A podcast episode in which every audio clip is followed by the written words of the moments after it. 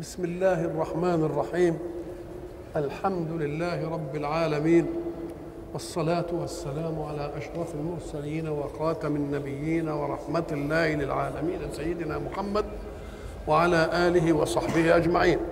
وبعد فقد وقفنا في اللقاء السابق عند قول الله سبحانه أعوذ بالله من الشيطان الرجيم. إنما الصدقات للفقراء والمساكين والعاملين عليها والمؤلفة قلوبهم وفي الرقاب والغارمين وفي سبيل الله وابن السبيل فريضة من الله. وقلنا إن الحق زين هذه الآية التي بينت مصارف الزكاة وهي الصدقة. هنا زينها بقوله والله عليم حكيم. الله هو واجب الوجود. وهو الذي خلق. وخلق الإنسان مكرما فجعله خليفة في الأرض. وقبل أن يخلقه هيأ له الأرض والسماء والكواكب والنجوم وكل شيء. فطرأ الخليفة على شيء معد لخدمته. ولا يوجد جنس من الأجناس تأبى أو عصى عن هذه الخدمة. الفلاح يبقى عنده مطية حمار. يجي النهارده يجعله يحمل السباخ والقاذورات.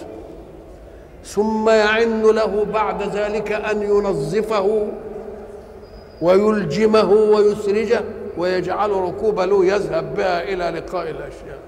فلا الحمار تأبى في الأولى ولا عصي في الثانية.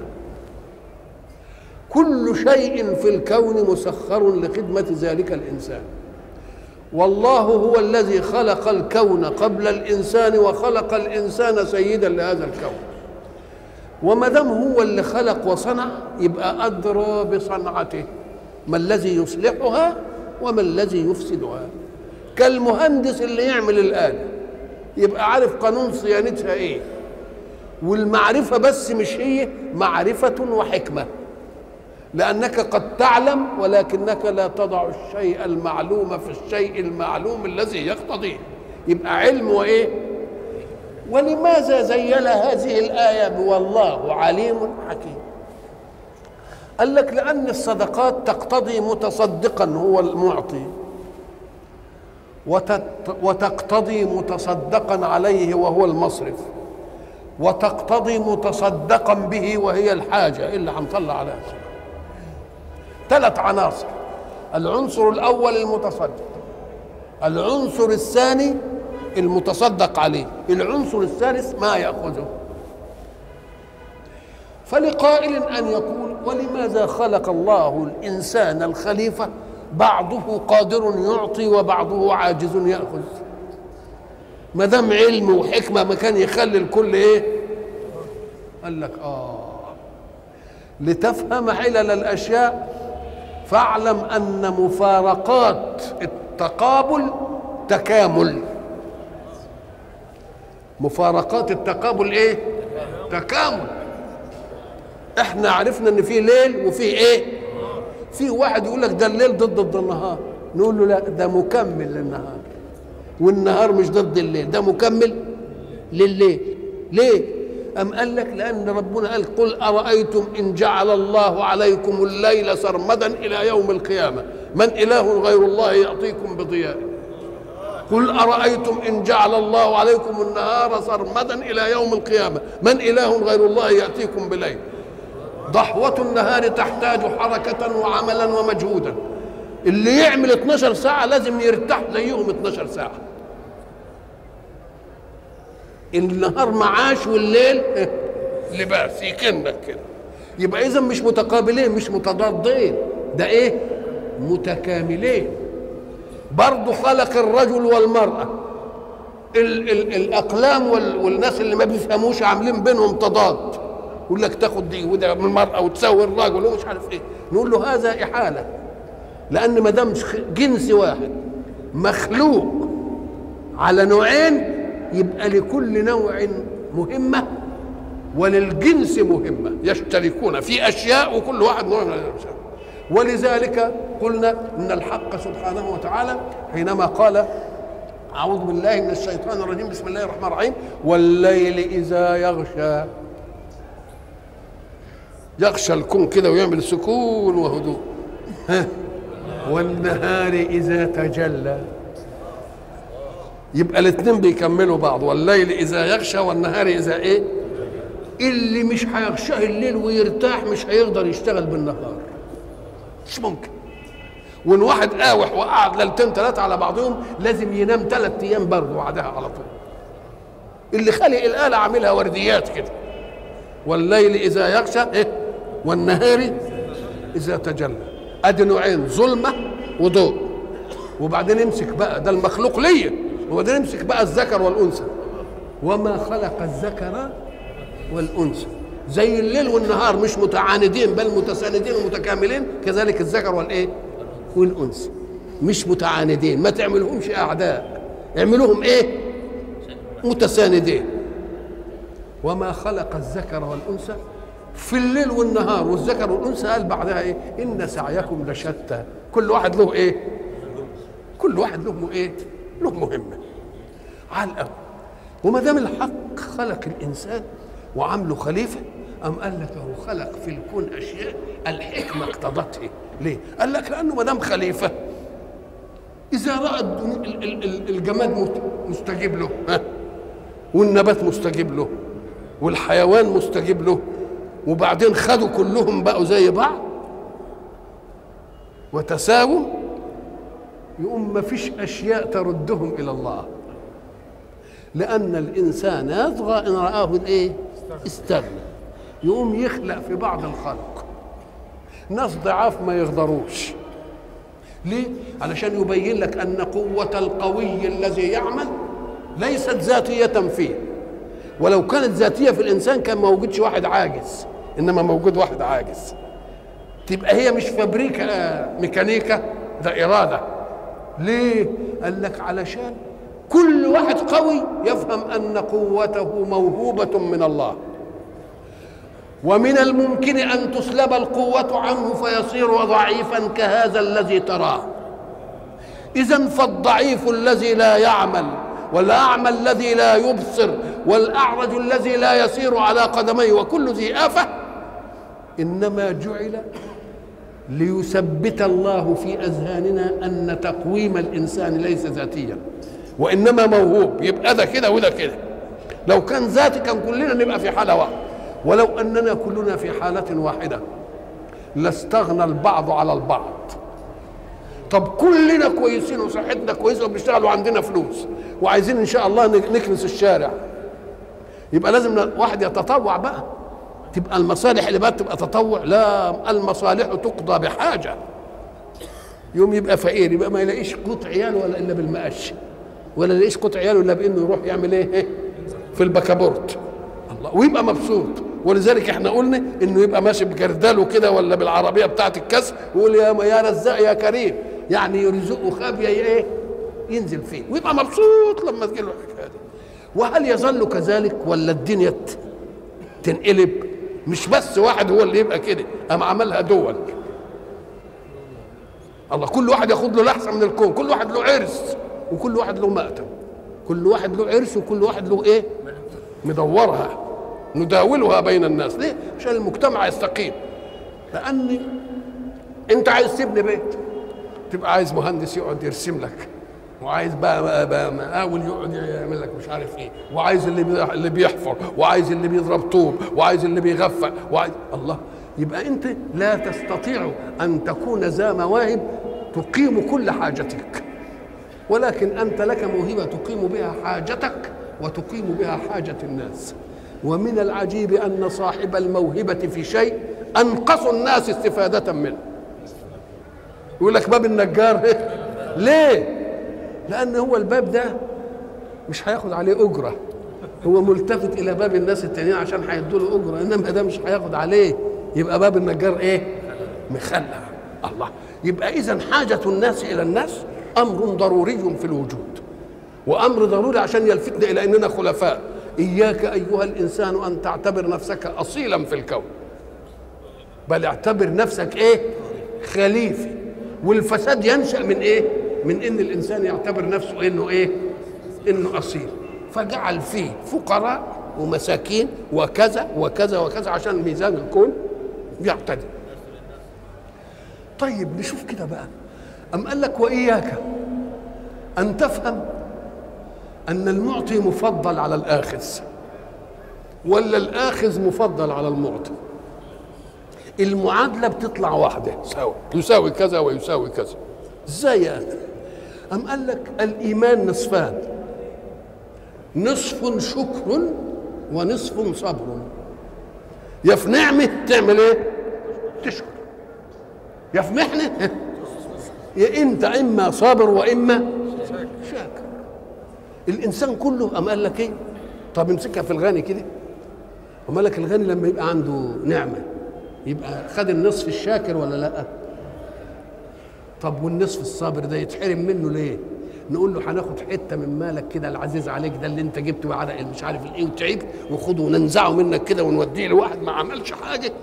وبعدين عشان تصبر على فقد المال منك. يبقى انت خدت إيه؟ نصف الشكر الغني. خد نصف الشكر ونصف الايه؟ ونصف الصبر. طب والفقير؟ قال له برضه خد نصف الشكر ونصف الصبر. فقير فصبر. جاله مال ما تعبش فيه فشكر. يبقى الاثنين خدوا إيه؟ نصف الصبر ونصف الشكر بإيه؟ بتساوي. طيب نشوف تاني. إيه؟ برضه كمان تاني. قال له طيب يا أخي انظر كده. حين تنظر إلى الفقير اللي ربنا فرض في مال الغني حق له. لأنه عاجز عن الكسب. الفقير ما يزعلش لأن ده ربنا قاعد يقعد حط رجل على رجل في واحد هيدفع الدم ويجيب لك لحدك. يبقى مسيد ولا مش مسيد ده مسيده من غير ما يدري وتلتفت تلاقي الغني عمال يدور على اللي ياخد مصرف الزكاة ويبحث عنه يقول لك ده في الحتة الفلانية ادي فلان لأنه عارفهم هات مش عارف إيه الله. ودك قاعد 24 إيه؟ 24 يبقى الغني صاحب النعمه هو اللي بيجري عشان مين؟ علشان يدي لمين؟ للفقير. وأيضا هب أن انسانا عزيز عليك واستقرضك مالا. فإن كان عندك مال تعطيه منه. خلاص وما كانش عندك يبقى ليك عذر ما عندكش. فإن كان مكانته في الحب عالية عندك تعمل إيه تقول له أنا ما عنديش. إنما أنا ليا وجاهة عند الناس أقدر أقترض لك من كده وأجيب لك. لما يديله مما عنده ولا لما يديله من مال اقترضه هو أيهما أحب؟ آه لما اقترض له. أهو ربنا عمل كده مع الفقير. اقترض من الغني قال من ذا الذي يقرض الله؟ عشان الفقير عايز. يبقى ربنا بيحبه قوي. ليه؟ لأنه إيه؟ كان ممكن يديله هو. إنما لما يديله مما عنده مش زي ما يقترض له ويديله. من ذا الذي يقرض الله؟ وليه اللي يقرض الله؟ ده المال كله بتاع ربنا هو اللي وهبه قال لك لا الله احترم حركة العمل. احترم حركة العمل. وما دام العمل ده جاب لك فلوس الله يريدون عاملين. فقال انت ثمرة عملك مش هتعرض له. بس أنا بستأذنك أخوك يعني محتاج حاجة وبتاع واديها لك وأنا أديك زي قلنا ضربنا مثل زمان بالرجل يعطي أولاده المصروف والأولاد ياخدوه في الحصاله كل واحد إيه؟ المال من الأب كله. وبعدين عنت لواحد منهم حاجة تقتضي مالا كعملية كمرض. يقوم يقول للأولاد افتحوا الحصالات بتاعتكم وادوني الفلوس دي ولما ربنا يجيب أنا حد حد لكم ليه؟ احترم هبته مش قال له هات اللي أنا مديه لك؟ لا. احترم الهبة فلم يرجع فيها واحترم حركة العمل. فقال له ده مالك بس أخوك عايزه اديه لنا. مش تديه لإيه؟ مش تديه لأخوك. يبقى الله استدان للفقير. خد بالدين من لأجل الفقير. يبقى دي ميزة ولا مش ولا مش ميزة؟ الله. يجي الفقير إياك أن تفهم أيها الفقير إن الغني له ميزة عنك ليه؟ لأن الفقير منع عنك عار المسألة مش كده؟ وأنت عملت له إيه؟ أنت دفعت عنه نار الآخرة الله يبقى أنت فضلك ولا مش فضلك عليه؟ يبقى أنت فضلك إيه؟ طيب الفقير ركن في إيمان الغني والغني ليس ركنا في إيمان الفقير مش ممكن إزاي أم قال لك يا أخي ربنا عمل ركن من ركن الإسلام إيتاء الزكاة. فالزك... فالفقير ركن من أركان دينه. إنما ما عملش حاجة عشان الغني أنا مش ركن. فأنت فالغني ليس ركنا في إيمان الفقير ولكن الفقير ركن في إيمان الغني. يبقى إذا المسألة مش تعال بقى أيضا. لو أنت نظرت إلى الغني وإلى الإيه؟ الفقير. الغني طلع جزء من ماله. يبقى ده اسمه استغنى عنه.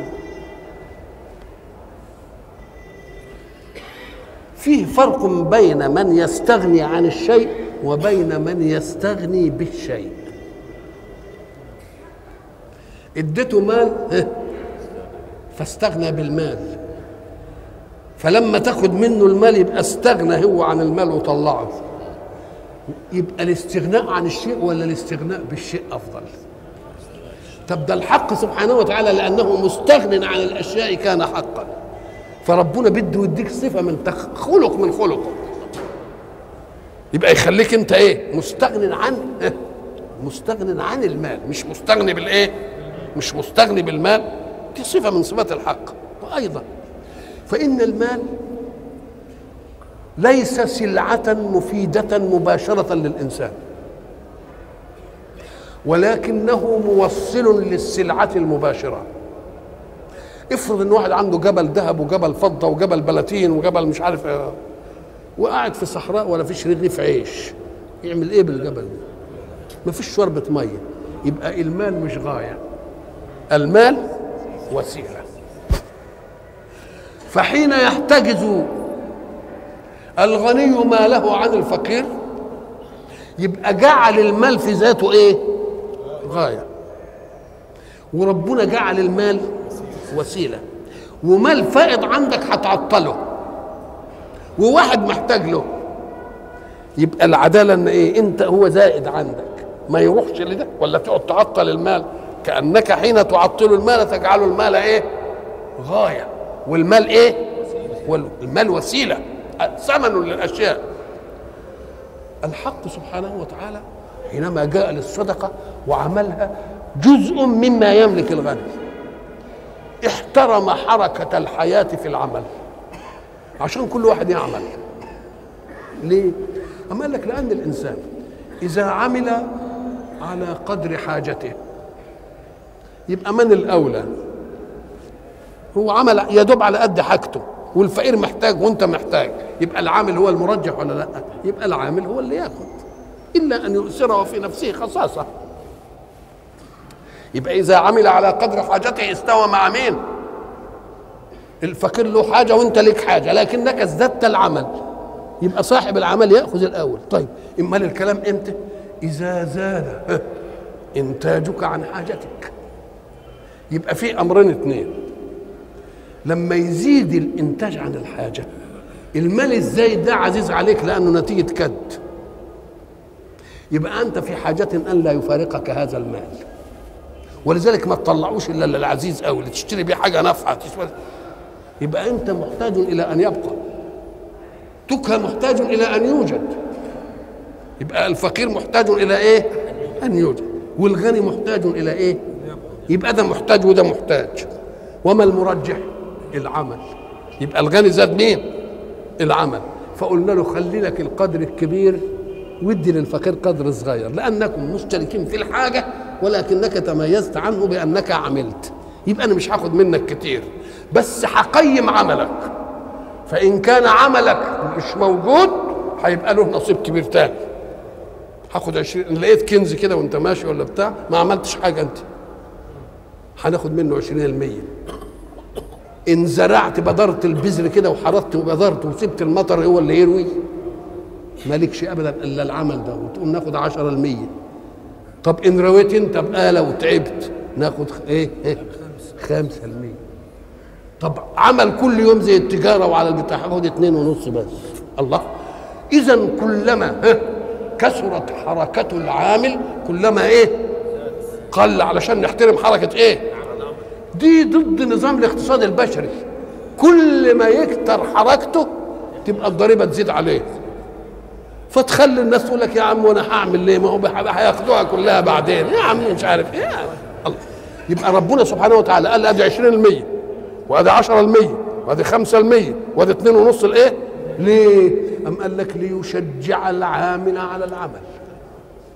شجع العامل على العمل. وما دام يشجع العامل على العمل فالمجتمع سيستفيد من عمله وإن لم يقصد إنه يفيده إنت عايز تبني عمارة ولا فيش في بالك الفقير ابدا إيه, إيه يعمل يا أخويا ويبقى لك عمارة ويبني ليه؟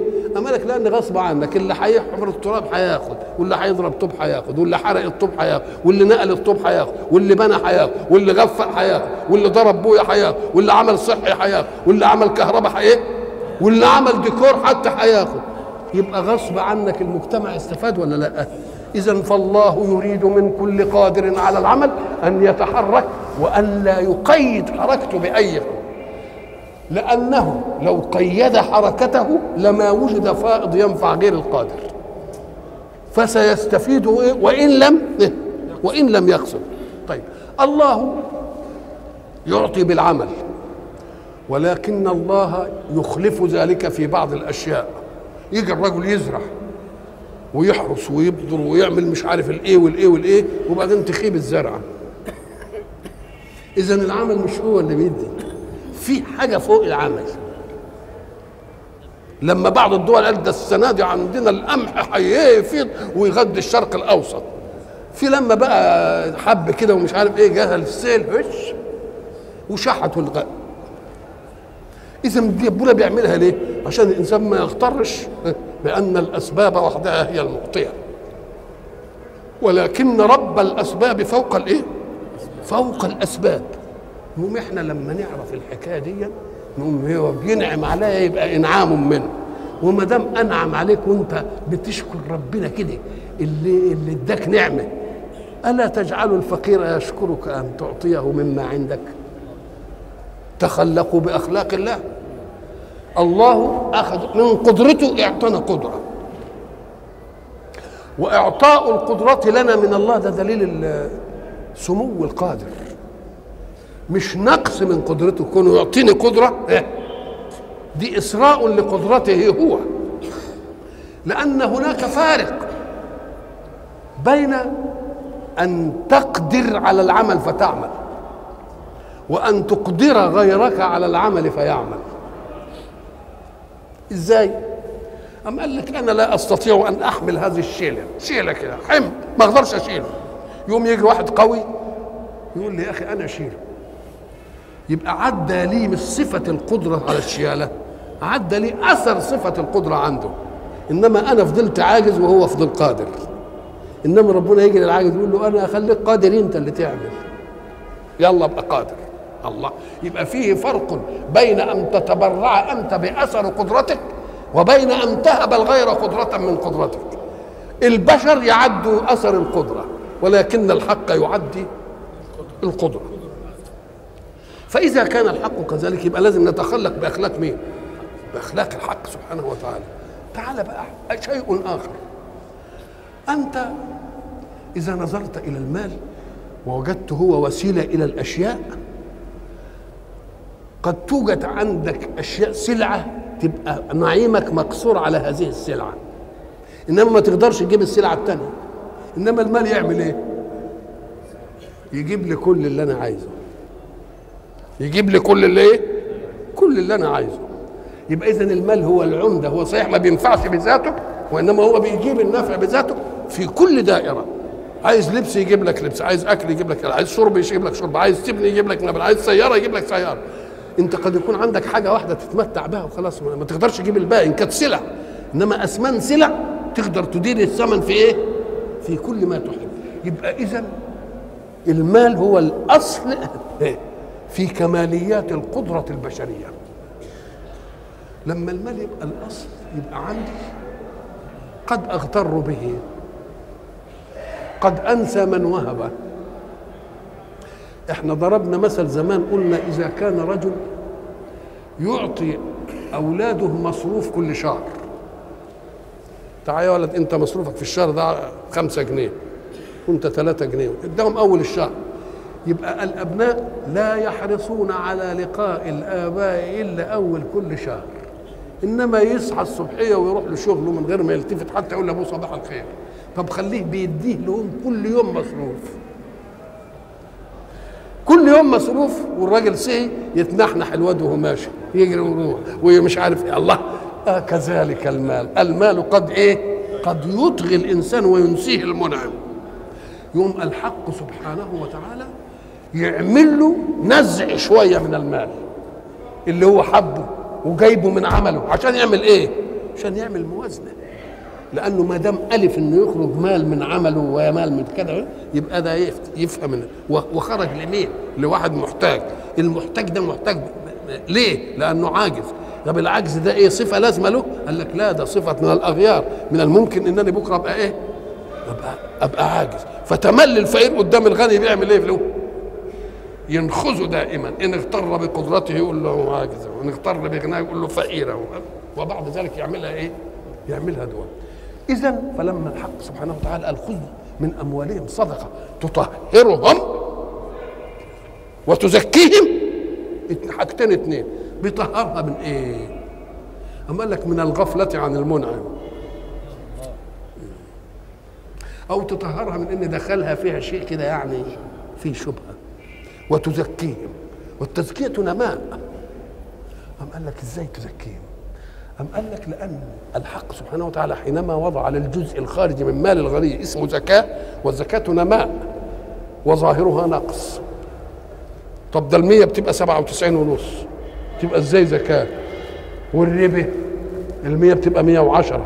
يبقى هي اللي فيها زيادة وزكاة. بالعقل كده الربا الله دي ناقصة. ودي زايدة. فجاء لها بالاسم المضاد المقابل قال إياك أن تعتبر ذلك نقصا وإنما هو إنماء لمالك. فسماه إيه؟ والربا سماه إيه؟ محق. في الزيادة سماه إيه؟ محق. وفي الزكاة سماه إيه؟ نماء. أم قال لك وأيضا في نماء. ما هو النماء؟ النماء هو أن يترقى الشيء في مرتبة الكمال. ينمو ينمو ينمو. طيب أنت عايز المال ليه؟ قال عشان يبقى عندي أسباب الكماليات وأسباب الضروريات وأبقى مطمئن كده لأن إن عزت أي حاجة يبقى على الأول ده كلام على الأول طيب افرض إنه دام لك طول الدنيا والدنيا يا يفوتك يا تفوته. طب ما هو اللي طلع ده؟ بقى له صحبة في المال مدة أخلد وهي الآخرة. ولذلك النبي قال ليس لك من مالك إلا إيه؟ أكلت؟ إلا ما أكلت فأفنيت أو لبست أو تصدقت فأبقيت يبقى اللي بيحب ماله يخليه باقي معاه مدة طويلة أوي مدة طويلة تتعدى الدنيا وتصل إلى مين؟ إلى الآخرة ذات الإيه خلود يبقى اللي عايز يعشق المال يعمل إيه؟ لازم ينفقه ولذلك النبي عليه الصلاة والسلام لما جت جت له الشاة هدية وبعد ذلك سيدتنا عائشة رضوان الله عليها تعرف أن رسول الله صلى الله عليه وسلم يحب إيه؟ لحم الكتف فأبقت حتة كده وبتاع. وبعدين سألها عن الشاة. قالت له كلها ذهب إلا كتفها. قال لا يا شيخة كلها بقي إلا كتفها. لأن ده بقى بقت صحبته ليا إيه فالذي يحب صحبة المال يعمل فيه إيه؟ يقدمه له. يقدمه هناك. ولذلك لما سئل الإمام علي أنا أريد أن أعرف أنا من أهل الدنيا ولا من أهل الآخرة؟ قال له الجواب عندك أنت لا عندي. انظر إذا دخل عليك من يعطيك ودخل عليك من يطلب منك. اللي بيعطيك بيزودك واللي بياخد منك بينقصك. فانظر إلى أيهما أنت أبش. أنت بتحب ان هو منهم. فإن كنت تحب من يأخذ تبقى أنت من أهل الآخرة.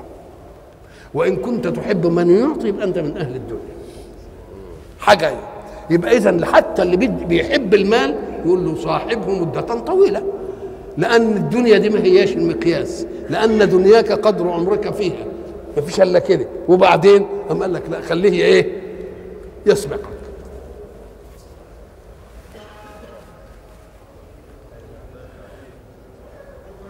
والله عليم حكيم. يبقى بيضع الأشياء في إيه؟ في موضع. عن علم ولا من أما العلم فألا يعلم من خلق. وأما الحكمة فلأن كل الناس بالنسبة له عياله. ما فيش واحد يا حبيبي إنه غني ولكن كما قلنا العالم لا يحتاج إلى أفراد مكررين. يعني هل العالم يستقيم كده لما نكون كلنا ضباط؟ طب كلنا أطباء كلنا مهندسين كلنا قضاة كلنا بنايين كدش. لازم تتوزع المواهب على قدر حاجات الأعمال الضرورية للحياة. انت تبقى في شيء ولا تعرفش الباقي وغيرك يبقى في شيء وانت ما تعرفش. عشان أنا أبقى محتاج لك وانت محتاج لي. ما يبقاش ما يبقاش الرباط رباط تفضل. لا رباط ضرورة رباط حاجة. وما دام رباط حاجة هنمسك في إيه؟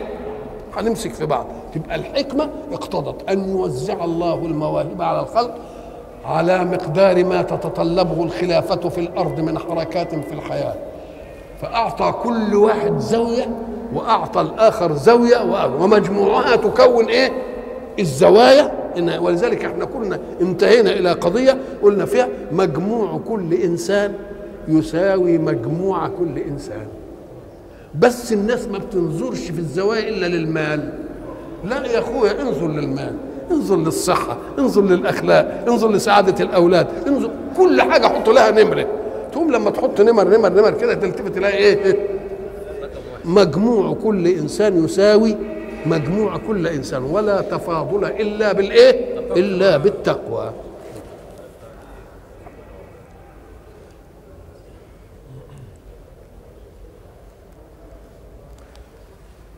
إذا كان واحد عاجز كده وشايف ناس قادرين وعندهم يعني فلوس وبتاع هنفرض إن ما فيش زكاة ما فيش صدقة ماذا يكون موقفه؟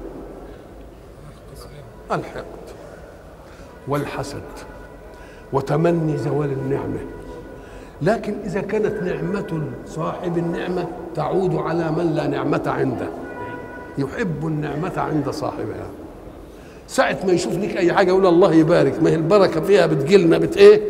بتعم علينا طيب إذا ما إيه؟ ما ما حصلش كده يضطر إنه إن لم يأخذها فريضة يأخذها تلصص تلصص بإنه يعمل إيه؟ يسرق بقى وينهب ويتأجر على ده يقتله ويتأجر على ده عشان يحرقه ويعمل مش عارف إذا دي عاملة توازن في المجتمع ولا لا؟ طب المسلمين لهم أعداء ولهم خصوم إذا كان المسلم الفقير هيعيش والغني ما يديش يبقى ما الموقف؟ لعل الحاجة تضطره إلى أن يعين على أخيه المسلم غير مسلم يبقى إذا دي ضرورية في الحياة ولا مش ضرورية؟ ولذلك تجد حتى لما قلنا صدقة يعني أمر فطري لو لم يأتي به الدين لكان من الواجب أن يأتي. ليه؟ لدفع شرور العجز في المجتمع. شرور العجز في المجتمع؟ طب ما في دول مش مؤمنة بإله. إنما ظروف الحياة اقتضتها أن يجعلوا لغير الواجد شيئا. ليه؟ عشان يأمنوا حياتهم يأمن. أدي السبب في إن ربنا سماها إيه؟ صدقة. ولا سماهاش إيه؟ سماهاش الزكاة. إنما الصدقات للفقراء والمساكين والعاملين عليها والمؤلفة قلوبهم وفي الرقاب والغارمين وفي سبيل الله وابن السبيل فريضة من الله. إنما إنما الصدقات يبقى معناها إيه؟ فرضت الصدقات. هات بقى المصدر تقول فرضت الصدقات إيه؟ فريضة. فريضة ومن مين؟ من الله. أم قال لك قد تفرض من البشر. إنما لا تفرض من البشر إلا بعد أن تعضهم الأحداث. ويشقى مجتمع الواجدين من مجتمع الإيه؟ العاجزين. يقوموا يقولوا ندي لهم حاجة بقى عشان يسكتوا عنه. إلى أن يشرعوا هم هذا التشريع. العالم يبقى شقي قد إيه؟ لكن من الله جت من الأول. قبل ما يخلقك عمل كل الدين ووضبه كده علشان تيجي إيه؟ بقانون صيانة جاهز ما فيش فيه أي يعني فريضة من الله والله عليم حكيم. ومنهم الذين يؤذون النبي. بقى منهم من يلمزك في الصدقات. ومنهم الذين يؤذون النبي. طب الذي يؤذي النبي؟ تستدل من إزاء على أنه يكره ما جاء به. بدليل أن نزوع الإزاء لم يأتي إلا بعد قال أنا رسول. طب وقبل أن يقول أنا رسول؟ كان الأمين وكان المحبوب وكان المؤتمن من العجيب إنهم يبقوا كافرين بيه ولما يكون عندهم حاجة نفيسة يعينوها عنده. طب إيه التناقض ده؟ يبقى الإزاء جه منين؟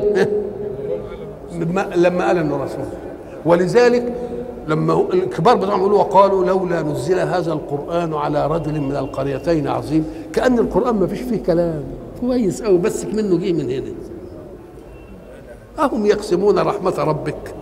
نحن قسمنا بينهم معيشتهم في الحياة الدنيا. يتقدموا. بقى دي الرحمة يقسموها. هو ده المعايش؟ أنا قسمته وجعلتهم سادهم. وفي عندهم عبيد وعندهم ناس مش عارف إيه. طب ما يستحوش ولا ما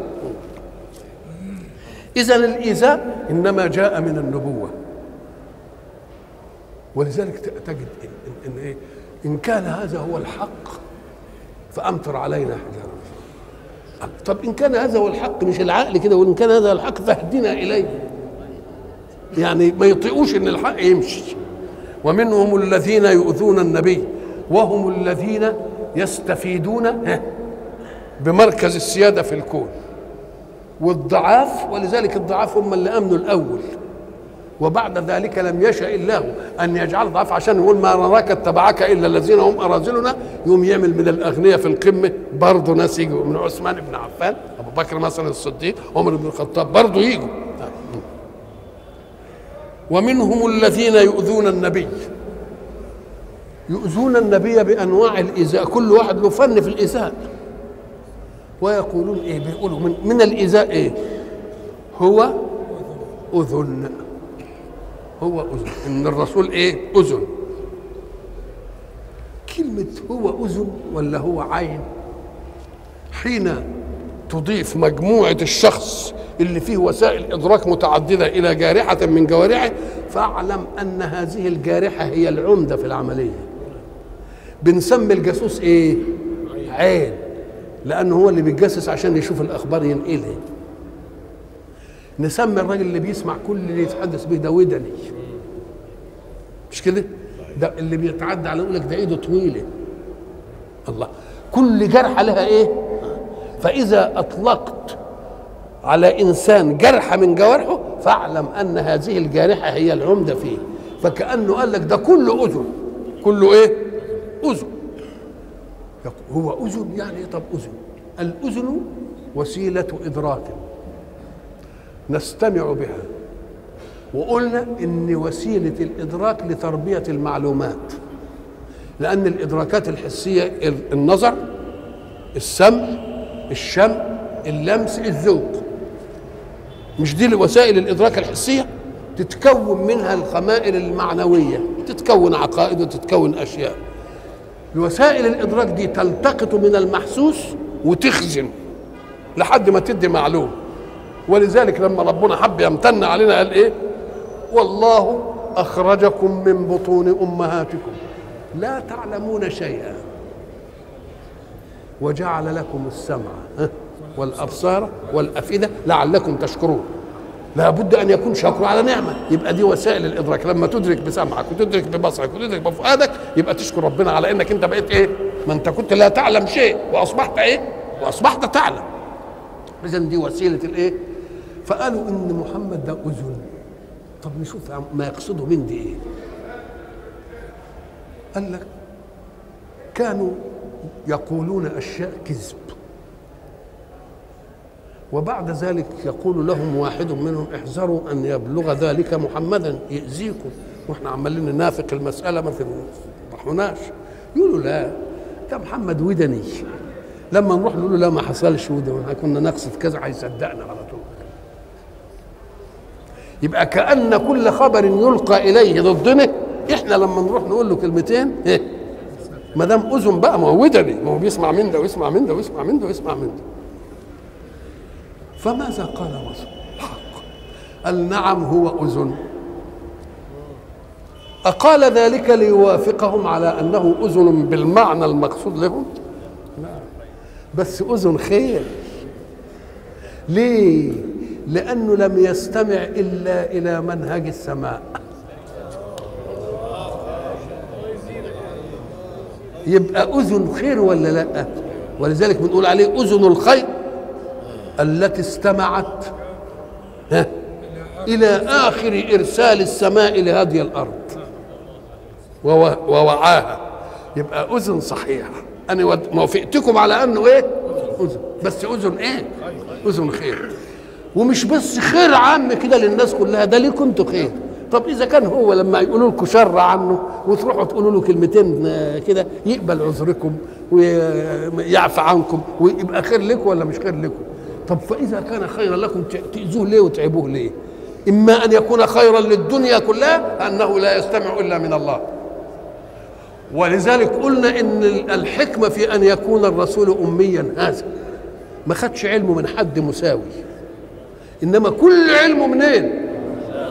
من الله. الأمية في أمثالنا عيب. لكن في فيه كمال. الأمية فيه إيه؟ كمال. لأنه دل على أنه لم يأخذ من خلق الله شيئا وإنما كل خمائر فكره وتكوينه وعلمه من مين؟ من السماء. يبقى دي أذن خير. وإن كان أذن خير بيستمع لكم الأعذار وبيعفو عنكم ويغفر لكم فكان من الواجب أن لا يعاب على هذا. لأن الخير عائد على مين؟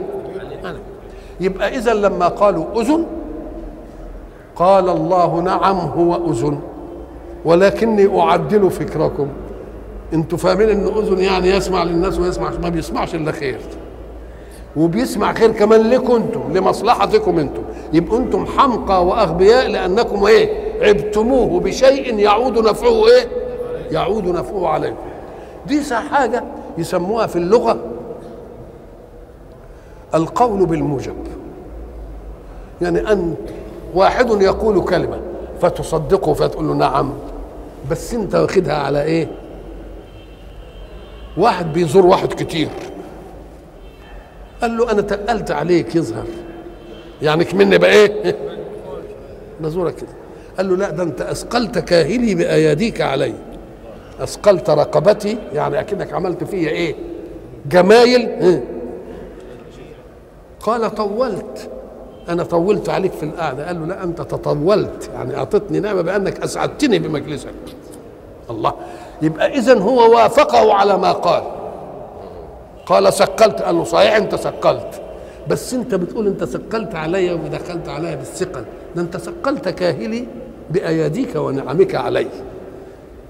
طيب الحق سبحانه وتعالى حينما قال المنافقون لئن رجعنا إلى المدينة ليخرجن الأعز منها الأذل.